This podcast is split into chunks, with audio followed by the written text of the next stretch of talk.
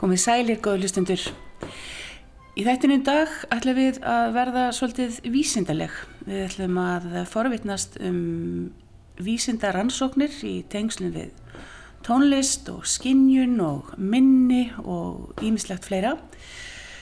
Og ég er mættingað til hans Pétur Sjónassonar, gítarleikara sem var á árum áður ábyrjandi í íslensku tónlistarlífi sem flytjandi sem gítarleikari og var síspilandi út um allan heim og síðan uh, höfum við séðan í tengsluðið myrka músikdaga og aðrar háttíðir en uh, hann er sem sagt nú í doktorsnámi í því sem við ætlum að forvittnast um á eftir. Ég er nú ekki alveg með þetta á hreinu en það kemur betur í lögst. Takk fyrir að taka á mótum við Pétur. Takk svo með leiðis. Ekki gaman. Hvernig stóð á því að þú svona ákvæðast að breyta til? Já, hversu langt aftur eigum að bakka, sko, þetta er svona, þetta hafa verið stöðuga breytingar, sko. Já. Og hérna ég er náttúrulega byrjað að spila mjög ungur, kláraði nám, elendis framhansnám ásalega ungur og tók alveg 15 ári að túra heiminn eins og maður segir, sko. Ég gerði ekkert annað en að spila og spila og spila og æfa mig og æfa mig og æfa mig. Og fókusin var mjög mikið á, á klassíska tónlist náttúrulega, sko. Og, og það meina ég í samborðu við kannski nútíðamúsík, sko. Þannig ég var að spila þetta standardrepertúar mjög mikið.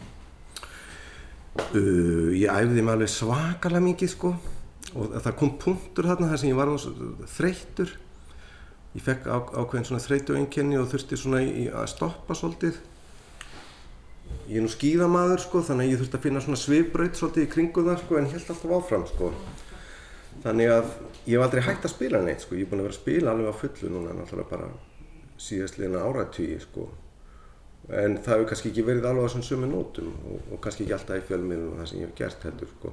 en auðvitað tókun alltaf við, þú veist, ég þurfti á eftir ákveðin tíma þá þurfti ég að, að gera eins og aðrir að, að eiga heim einhver staðar og veist, vera með fjölskyldu og allt það og ég fór að kenna miklu meira og, og fór svo út í að, að taka svona hliðaverkefni eins og, þú sagðir að vera að vinna við myrka músíkdaga og skipilegja tónlistarháttið, Norranna músíkdaga, ég stopnaði háttíð á vestfjörðin sem heitir Við djúpið og, og fleira og fleira og fleira. Þannig að þetta breytist úr því að verða, hvað ég maður segja, úr því að vera svona ein braut einleikarans yfir því að verða svona, svona, svona portfóljó af. Þannig að ég er með nokkra bolt á lofti mm. og er að jogla þeim. En svo verða svona ákveðin kaplaskipti að 2014 þegar þú ferði nám til London, sett? Já. Já. Ég, ég fann, ég hef búin að vera að kenna í listaháskóla talsveit lengi og vera svona í snertingu við það sem ég kalla higher education svona nám á háskólastígi sem er náttúrulega mér finnst besta stígið að vinna á sko. ég sá að það voru svona nokkru luti sem alluði að ég fór sko. kona mín spottaði með mjög interessant kurs þarna í Royal College of Music og ég sá þarna tækifæri til að já, vika sjóndendarhengin, vika starfsviðið og, og festa mig betur í sessi innan akademíska kervisins sko. og þetta var mastersnám sem heitir Performance Science það er uh, rannsóknar miðstöð sem er rekin í samvinni Royal College of Music í London og Imperial College sem er mjög stór vísindaháskóli þeir eru hérna hlið við hlið í, í Kensington Knightsbridge og þetta heitir Center for Performance Science og, og í stuttumáli þá eru framkvæmdar þarna vísindarans, raunvísindarrannsóknir á, á því sem við kallum, ímsum þáttum í því sem við kallum performance. Ég auðvisettir íslensku orði yfir performance. Hmm. Annað en framkoma. Já, Já, þetta er ekki bara að koma fram, nei, nei, hvernig maður á að neyja sig sko. Ég er oft spurður aðeins og ég ást að læra þá hvernig þú kýpur inn á svið og neyjir þig sko. En hérna ég kann það. Þannig að hérna en þetta eru sérsagt já, þannig að mastersnámi gekk út ég tók það full time í eitt ár þar eru manni kendar bara rannsókn aðferðir klárar með stúdíu sem er hérna og svo komu interessant hlutur út úr þessu þannig að ég ákvaði að halda áfram að fara í doktorsnám þannig að ég er núna statur í á þeim stað, ég er búin að vera í þrjú ári í doktorsnámi í, í London Sér fyrir endan á því? Já, svona eitt og hálft ár eftir af þá gæti ég skila rítgerðinni og, en ég þarf að framkvæma ansi mikið að rannsóknum. Ég er ekki, ekki búinn að safna allum gögnum með þá. Uh, efni mitt er minni. Ég, ég er heitlaður af þessu fyrirbæri sem er minni. Ég er búinn að spila mjög mikið af mjög flókinni músíkir gegnum tíðina. Það er ímsar svona góðsagnir á lofti, mítur um það að það sé ekki hægt að læra þetta utan að og mér tókst að læra mjög flóknar hluti utan að og ég voru ótt spurður að því hvernig ég þið farið að því og hérna þannig að þetta interesserar mér mjög mikið mm. og ég ákvaða að taka þessa leið að skoða hvernig já ég menna hvernig þessi minnisfunksjónar eru í kringum músík og þetta auðvitað það maður að þrengja þetta svolítið þannig að ég er komin á þann stað núna að ég er að skoða um, flækjustig. Við erum með tónefni bara músík og ég get sko varjerað hversu flókið það er. Ég nota tónsmíðaforriðinans Kjartas Ólafssonar sem heitir Kalmus funkar mjög vel fyrir þetta. Þannig ég get unnið efnið sjálfur ég bý til tóndæmi bæði sagt, sjónræn og svo líka hljóðdæmi. Skilgreina mjög vel hvað er flókið í tónlist. Það tók mig heilt ára að skilgreina það sko. hvað er flókið? Hvað er flókið? Ég, það er markþægt sko. það er til dæmis sjónrænt, þá getur við bara hversu mikið efni er á blæðinu fyrir fram að því og, og sagt, það er kallað svona já, sjónræna magnið af því sem er fyrir fram að því sko. hversu margir krossar eru þarna og hversu veist, þagnir og er, hversu fjölbreyttar eru það er bara hversu mikið efni er en ég er meira að skoða sko, innihaldið sko hversu hérna kannski hérna fyrir sjáanleg tónlistin er, kannski kemur einhver sem þú býst ekki við eða það verður einhver kvörf í tónlistinni sem gerur það að verkum að, að hún er markþættari heldur en það sem koma undan ég tekur svolítið, ég veit um að sér þátt um það hvað er flókið, en þetta er bara svona lítill dæmi það getur verið sjónrænt og getur líka verið innihaldið í tónlistin sjálfur sko. mm -hmm. sem gerir þetta flókið ég er ekki að tala um hversu flókið er að spila það Já. það er svolítið aðgreining þar á milli sko. heldur bara tón ég hef áhuga á, á flækni í sjálfri sér og eins og heitir þetta complexity mm. Við hefum heldur ekki íslenskt orðið við það. Nei. Því að það er munur á því hvað er komplex og hvað er complicated. Já, einmitt. Að en eitthvað sem er komplex, það er eitthvað sem er alltaf flókið. En það sem er complicated, leður þú nær tökum á því, þá hættir það að vera complicated. Það er rétt, það er rétt. En nú er ég búin að tala mikið.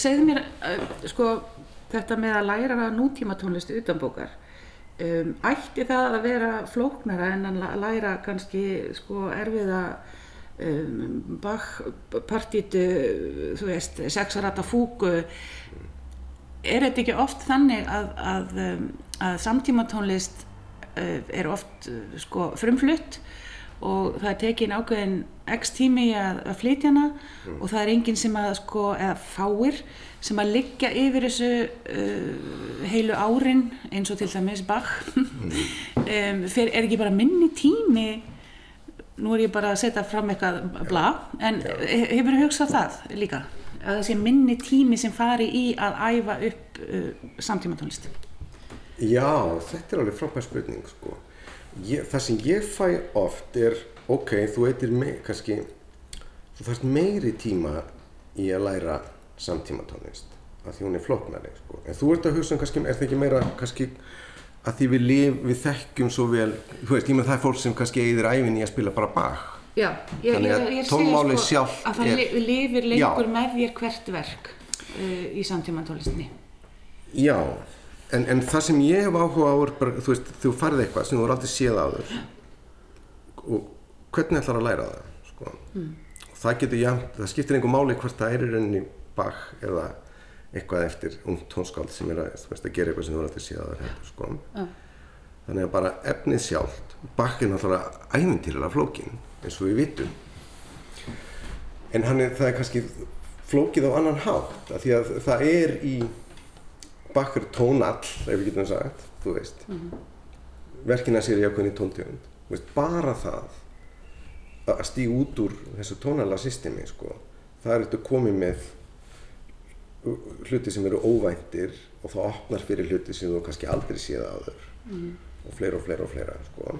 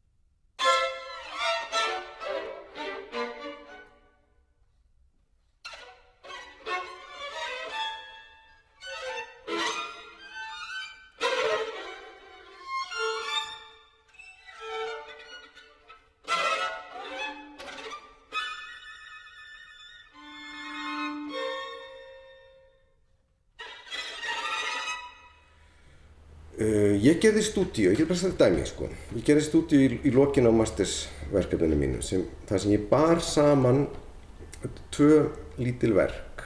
Eitt var í D-mál, þetta voru bara sex taktar sko.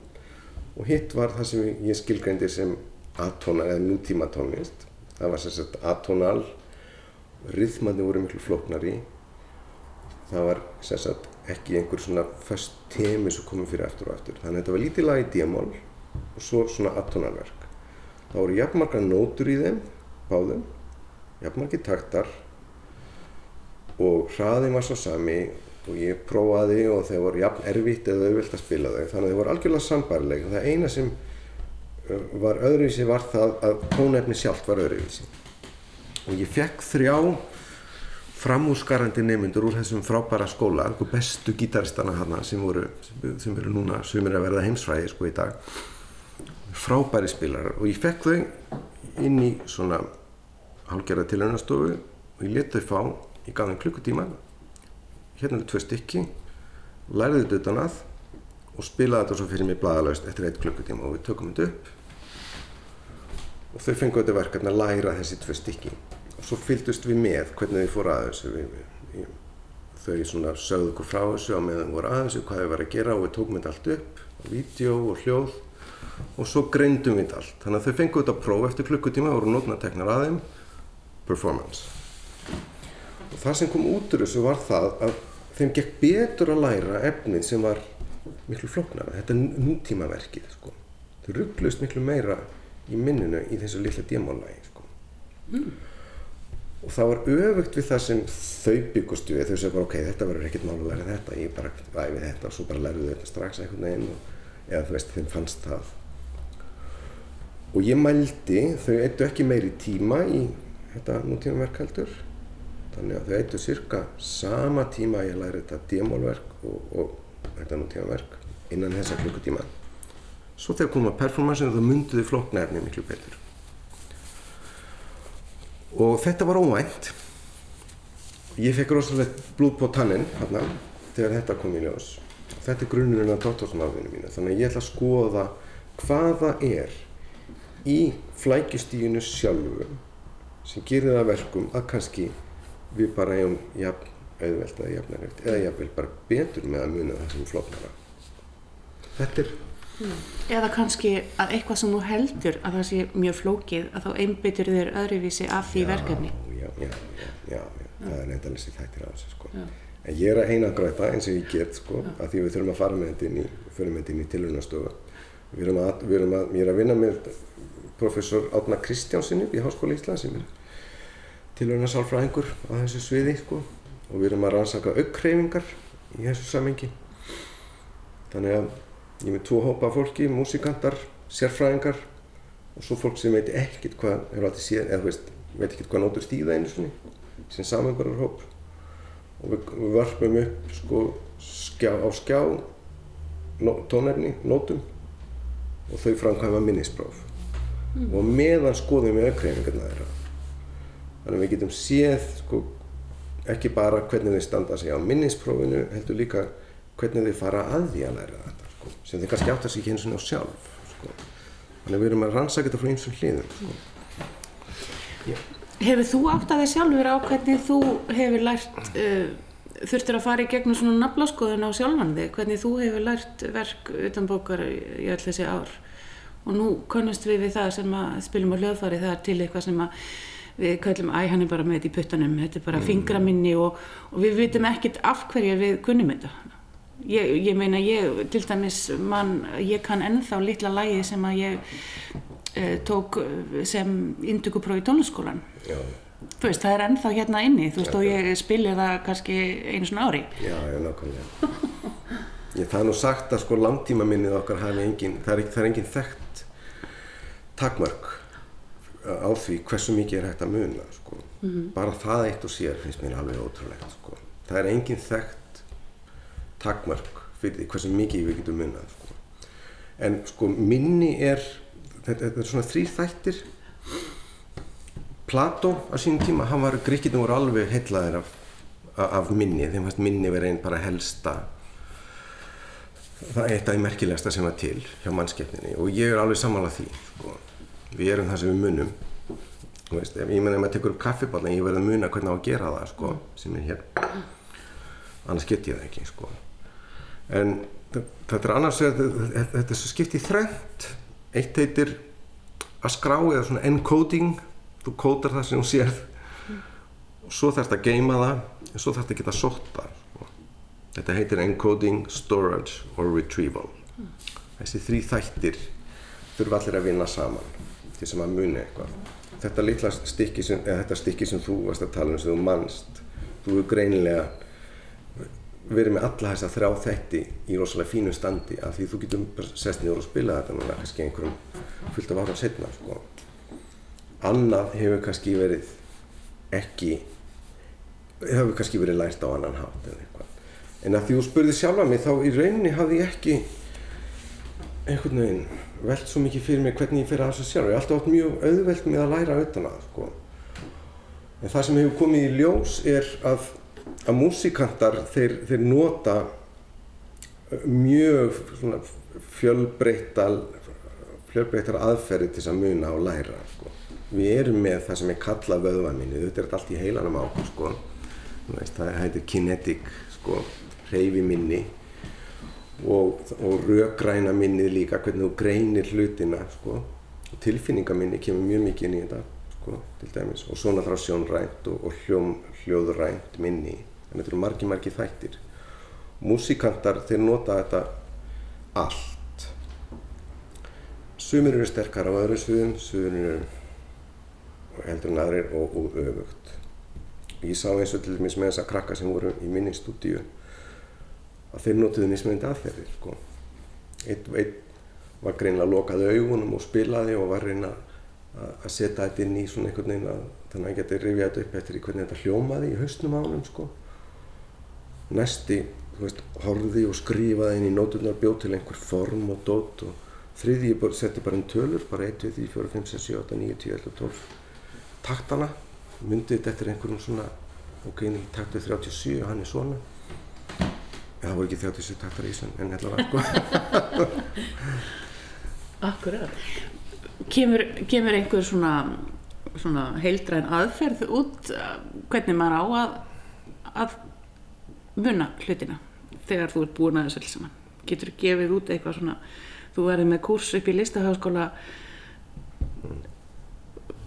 utanbókar, utanbókarlærtumur. Utanbókarlærtumur. Sko ég er ekki að stefna því endilega en þegar maður fer í svona vekkferð þá þá maður alveg náttúrulega að lesa allan litteratúrin, maður þarf að lesa alveg ofsalega mikið sko. Þannig að ég mun vita og ég veit alveg helling sem ég vissi ekki áður sko. Mm. Veist, það sem aðri vísindamenn hafa verið að rannsaka sko. Mm. Þannig að já, ég mun geta kent svolítið kurs ef, ef áhýr á því sko. Það er alveg á hreinu en sko markmiðið með mínu er ekkit endilega að, að finna út aðferðir sko, heldur er ég, ég er í rauninni að bakka svolítið, að fara dýbra inn í þetta og við erum að skoða hvernig bara,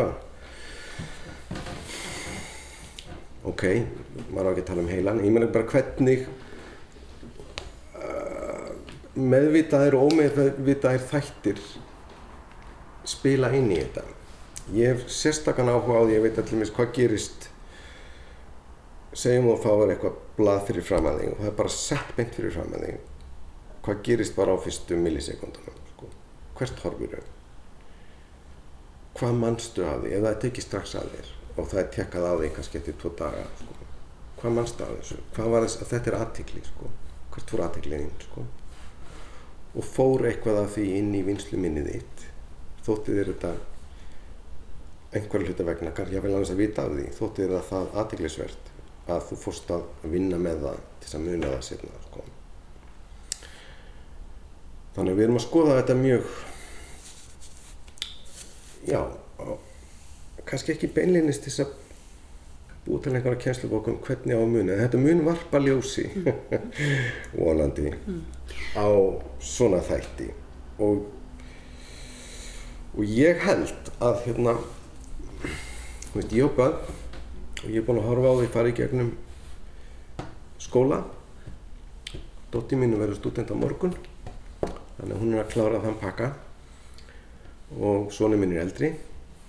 Og ég oft hugsað sko, mér finnst eins og kannski verið að sko, það að muna og, og læra auðvitað hreinlega það sé búið að spila þetta alltaf mikið nýður og ég sé að þú gengar kollið út samála mér og það er mjög margir samála um þetta. að það hefur verið lög meiri áherslu á að skilja sem er náttúrulega ofsalega mikilvægt líka en þetta þarf að fara saman sko. þú voru að skilja hvað þú ert að læra en þú þarf líka að muna það sko. mm -hmm.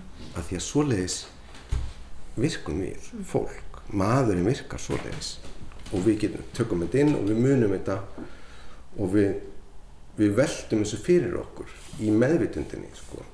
og tökum abstraksjónir og, og breytum hlutum í huganum og búin til eitthvað nýtt til þess að við getum haldið áfram mm. það er, er að vera maður sko, ég á hund sem er mjög klár en ég held að hún sé ekkit að þessu sko, af því hún hefur ekki framheila eins og við, ekki eins mikinn sko. mm. en þannig að þetta er miður þetta er sko og ég held að, að ég er að vonast til þess að þegar ég skilja þessari rítgerð að, að við getum þekkingi sem verður til hún getur nýst á öðrum sviðum líka sko. mm. af því að veist, það sem er flókið að margir hlýfa sér við því sko. hvað þú segir krakka ok, þetta er flókið fyrir því að læra taka læra, þú veist, gerum eitthvað annað það er svona í synd mm. Þetta er mjög merkilegt eh, sem þú ert að segja og, og við vitum líka að eftir því sem þú lærir meira utanbókar, að þetta er náttúrulega bara þjálfun, að því fljótari verður að því og það er einhvern veginn eins og rýmið aukist. Og eins og þú sagðir á hann að það er sko engin takmörk fyrir því sem þú getur munað. Um, hafið þið farið í, því að, í það að rannsaka svona uh, eins og tólestamenn sem að, að eru með heilu repertúrin í hausnum á sér? Um, er eitthvað hægt að rannsaka hva, hva, hvaða áhrif þetta hefur í raun og veru á aðra heilastarfsemi Meinur að gera eitthvað annað?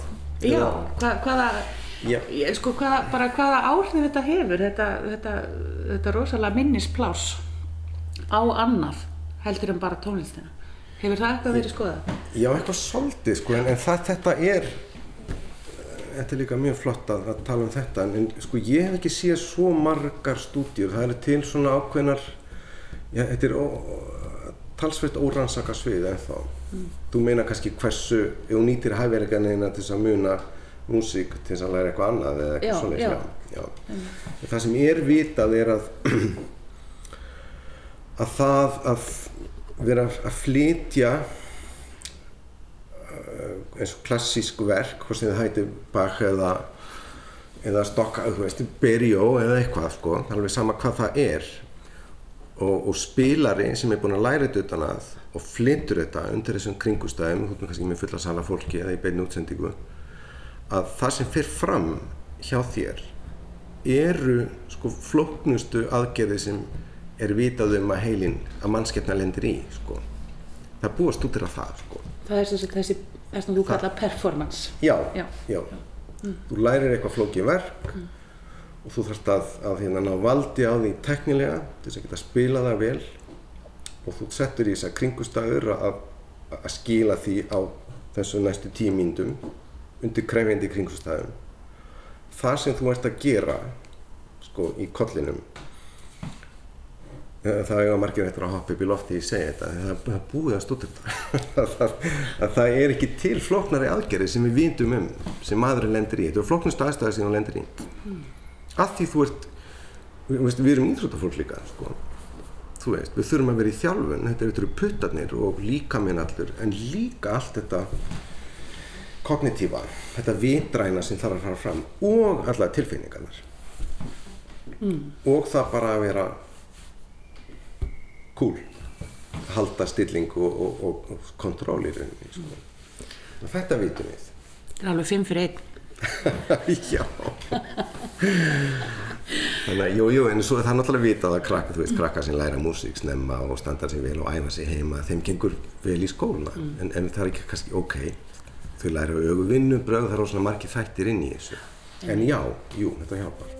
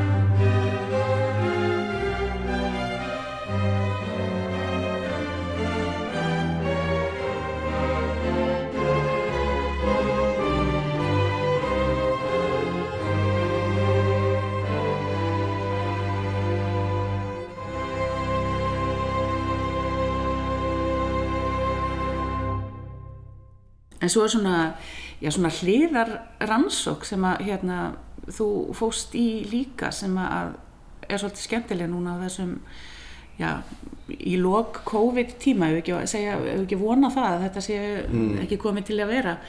En uh, það er þetta sko að, að hérna, uh, hvernig hljóðfæraleikarar uh, hafa samskipti millir landa í gegnum tækni. Mm og þetta voru þið eitthvað byrjar að stúdira fyrir löngu og svo allt í hennu poppar þetta upp núna og eh, kannski verður gaman að heyra nýðustöðu frá ykkur. Já, þetta var mjög, já, mjög fyndið sko því að ég hef verið í hlýðarverkefni með einu leiðbærandarinn mínum úti og sem kallast distance performance eða eins og sett já, performance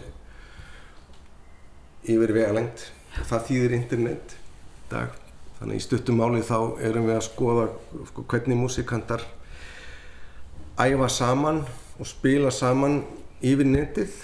Þannig við vorum með tvo í London og það voru aðrið tveir í Kaupmannahöfn og þeim var gert að, að æfa duetta og kvartetta saman og við erum að, sagt, að, að sjá hvernig, hvort, veist, hvernig þetta er og byrjum þetta saman við þegar það kannski æfa í sama herbyggi. Sko. Það er mjög fullkomið forrið sem við erum að vinna með sem er um, þannig að, að senkunin er tekin út það er ekki senkun á signalinu á milli sko, þannig að þú getur spila mjög nákvæma tónlist alveg í rauntíma saman sko. þetta getur að býða eftir eins og í frettónum þegar hérna sá sem er í beinu útsendingu alltaf stendur og, og ekkert gerist og segja já, heyrðu, takk fyrir það bói sko. það er farið sko. mm. Þannig að þú getur sagt, í hágæðum unnið með músikanti sem er 4000 km í burtu ef þú hefur breyðbandi og ef þú hefur tæknina, stúdíu og við erum að skoða þetta og, og við erum verið með þetta í svona þrjú ár þetta er alveg rosalega interessant verkefni. Og við erum að skrifa núna grein og bókakaplu um þetta sem er, kemur út hjá, hjá Oxford á, á næsta ári og það er mjög fyndið að, að því þú nefndir þetta sko að við erum búin að vera aðeins og þetta var svona svolítið svona nördastarfsemi hinga og þanga, það er einn í Flórida og einn í Shanghai sem er að vinna í þessu sko og við erum svona í svona smá svona gengi saman. Svo bara allt í einum daginn, ég meina 10. mars þá allt í einum allir heimurinn að gera þetta sko. Það fyrir bara allt á netið, öll samskipti fara á netið. Þannig við þurftum að, að, hérna, rjúka til og bæta við heilum kapla í, í bókakaplinu okkar allt í einu, bara nýjustu fréttir, sorry, hérna Mm -hmm. COVID kom og allt í unni allir heiminn að gera þetta nú, veist, framtíðin hún bara allt í unni opnaðist beint fyrir fram á okkur út úr þessu er þetta að koma mjög aðeinsverðir hlutir sko. uh, Þessi tækni verður hún öllum möguleg á einhverjum tífampunkti eða þeim sem í hana sækjast Já, þessi, og í dag er það ekki hægt sko, en sko, það þarf svo ofsalega mikið breyðband fyrir þetta, þannig að það eru bara stopnarnir sem geta að nota þetta. Þú þarf bara ofsalega mikið, flytja mjög mikið að gögnum sko. En það er talið að, að já, 5G er á næsta leiti og það mun auðvelda hluti og já, ég held það, ég vil ekki segja já, þetta verði nú hægt að gera þetta. Það fer eftir ímsu, sko. En, en sem stendur er, getur ekki gert þetta, þú veist, úr gegnum farturinn þína heima og, og verið að spila með einhverjum mm. að því það er alltaf senkun sko.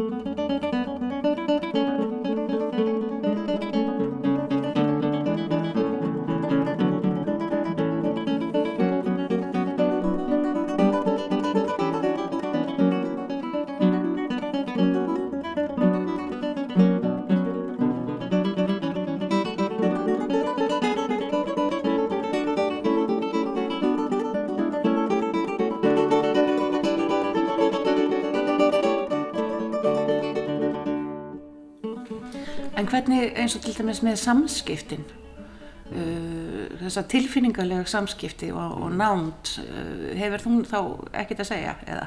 Ég með mjög mikið að segja, mjög mikið sko. Já. Það sem kom út úr okkar stúdíu var til dæmis sko, og við vorum einmitt að sjá hvernig þú, hvernig samskiptin voru. Þetta er fólk sem hefði aldrei hist áður sko. og bara allt í henni að setja inn í stúdíu og einn í Kaupmannöfni, einn í, í hérna London. Við erum að fara að æfa þetta verk núna, lesa saman, kommuníkera. Þeim fannst þetta mjög skrítið fyrst náttúrulega. Bara helsa sæl, ég heiti þetta. Byrjum og það kom í ljós að, að menn þróuðu með sér ákveðna leiðir, það voru, þú veist, það er brandarar til þess að brjóta ísinn og, og menn voru kannski, vissi ekki hvort þeir ætti að vera mjög svona einhvern veginn að taka frumkvæði, hver átt að leiða, hver átt að taka frumkvæði en það var mjög gaman að sjá hvernig þetta þróuðu, þetta voru alveg 6-7 sessjónum í vikumillibili að, að það var einmitt það sem allir því að hlutinni fór að ganga vel voru sagt, þessi svona félagslegu samskipti millir músikantana maður sá hvað það skipti miklu máli. Að nálgast einhver tilfinningarlega eins og þú sagðir og það voru kannski bara sagði brandarar og þá getur þið farið að hlæja. Og þeir fóru að hlæja því hvað þeir væru báðir í skringilegri aðstöðu að því að svo fylgta fólki í kringa að fylgjast með þeim. Það er ekki eins og þið sænda hérna í stofunni tveir og ok, æfum hennar duett bara í stúdiói og rannsóknastofu og það eru teknimennin og það eru rannsakendur að fylgjast með öllu sko. og leiðin til að láta þetta ganga vel var að voru félagslegu samskiptin. Það segir manni bara hvað það skiptir miklu máli. Mm, eins og sagðir. Uh, Tæknilega atriði voru til dæmis svona aukkontakt til dæmis, það er svolítið flókið sko. Erfitt að vera með beinan svona rauntíma aukkontakt við einhvern skjá sko af því að myndavelin er kannski á einu stað og skjárun er ekki alveg á sama stað og það vorst að horfa píniti til hliðar við hann sko skiptir miklu máli Já og svona líklega eins og andadráttur eða Alkjörlega, eitthvað ja. svona lítið nikk eða Já, hvemlega, erfitt, ég meina þú heyrir ekki þegar þú andarinn eins og vel mm -hmm. eins og þegar einhver sittur við hliðin á þér þegar þú ert að fara að byrja eða þú bara finnur ekki fyrir honum eins og þú finnur fyrir við komum til þú og sjáður hann ekki sko. mm. það er enginn galdur í því þetta er bara svoleiðis, við finnum nærveru næsta manns þetta er þetta tekið út sko. Þannig að menn fóru að nota meira svona fysiska hreyfingar sko til þess að þú veist hreyfa hendurna meira þegar ætlaði að fara að byrja til dæmis mm. þannig að þú sægir alveg skýrt að hvenar attackið ætti að koma og þannig að þessi ó það heitir svona non-verbal þegar þú segir ekki hluti, það ígist sko. en þú veist mannskeppnan er ótrúleg þú veist eins og með minnið þú veist að, að sko, aðlögunarhæfnin er alveg ævintýranlega sko. þannig að og það er til fyrirbæri sem heitir það heitir telepresence og það er svona, þetta er sálfræðilegt fyrirbæri það sem, sem þróast undir svona kringustæðum það sem, ef þú ert að vinna fjárvinnu er einhver samvinna millir tvekja staða og það er, telepresence þýðir að þú ferð að upplifa þig eins og sérst á hinnustan þú gleymir því að þú sérst eða út í London, þú gleymir því að þú sérst ekki á sérst það, þú heldur þú sérst í kaupanöfn með hinnum sko. mm.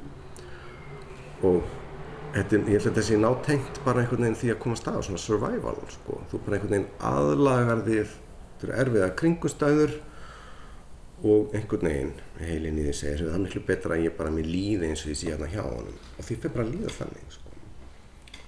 og þetta gerist mjög fljótt þannig hjá þeim fyrsta skipti var erfitt sko, næsta skipti miklu auðveldra þriðanskipta þá fór þeim að líða eins og þau væri bara hlifið hlið. Eina sem ég gátt ekki gert var að fara út að peppa á eftir, sko. eftir það fannst þeim leiðilegt. Já, akkurat. Við kannski hittast svona við, við betri kringulstæðir. Já, svona eftir að ímsu líkur. eftir að ímsu líkur.